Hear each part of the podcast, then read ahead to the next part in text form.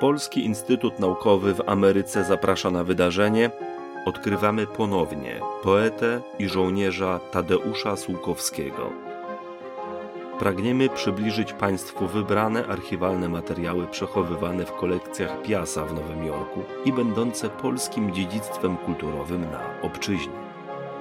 Materiał powstał na potrzeby zadania opracowanie, digitalizacja i promocja zbiorów oraz działań Polskiego Instytutu Naukowego w Ameryce. Dofinansowano ze środków Ministra Kultury, Dziedzictwa Narodowego i Sportu Rzeczypospolitej Polskiej.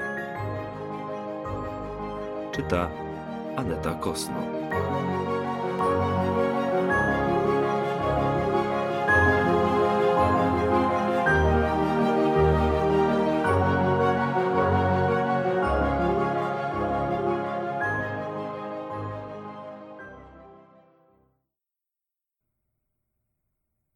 Piąty lipca 1947 Droga i kochana pani, musiałem idąc znowu coś zbroić w ostatnim liście, skoro nie ma od pani żadnej wiadomości. A trudno mi się odzwyczaić od ludzi, od których co pewien czas przychodził list i było z tym listem dobrze. Milczy i Sowiński, choć wszystko wskazuje, że nie jest już w Londynie aż się zaczynam o niego niepokoić. Bo może coś się stało w Brukseli i albo ich w ogóle nie puścili do Anglii, albo zachorował.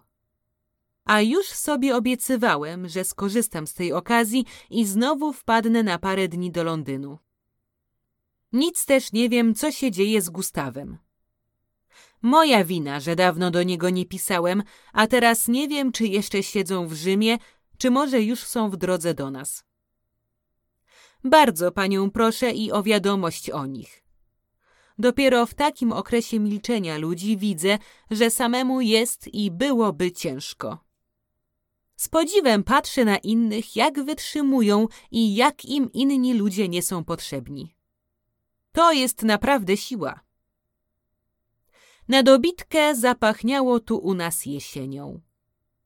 Przepaduje często, pochmurno, Dzisiaj wieje i wieje i choć jest trochę słońca, ma to wszystko już smak jesieni. Nie wiadomo, ale może już trzeba żegnać się z latem i przysposobić na tutejsze deszcze i wiatr.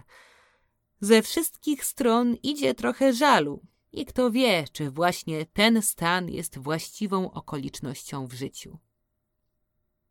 Mieliśmy tu wczoraj uroczystą odprawę prowadzoną przez wysoką osobistość usłyszeliśmy koszałki opałki i jeszcze bardziej bije w człowieku to programowe krzepienie serc i te rewelacje w rodzaju, że przemysł w Polsce pracuje na rzecz Rosji. Kiedy oni naprawdę przestaną nas traktować jak żółtodziobów społecznych?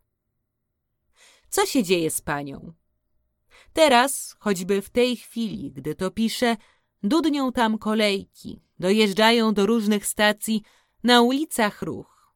Jesion pani też się chyba dzisiaj chwieje na wietrze. Wspominam to wszystko jak szczęśliwy sen. A pani śmieje się ze mnie, że tak tu bajduże od rzeczy. Bardzo proszę o wiadomości. Serdecznie panią pozdrawiam. Tadeusz.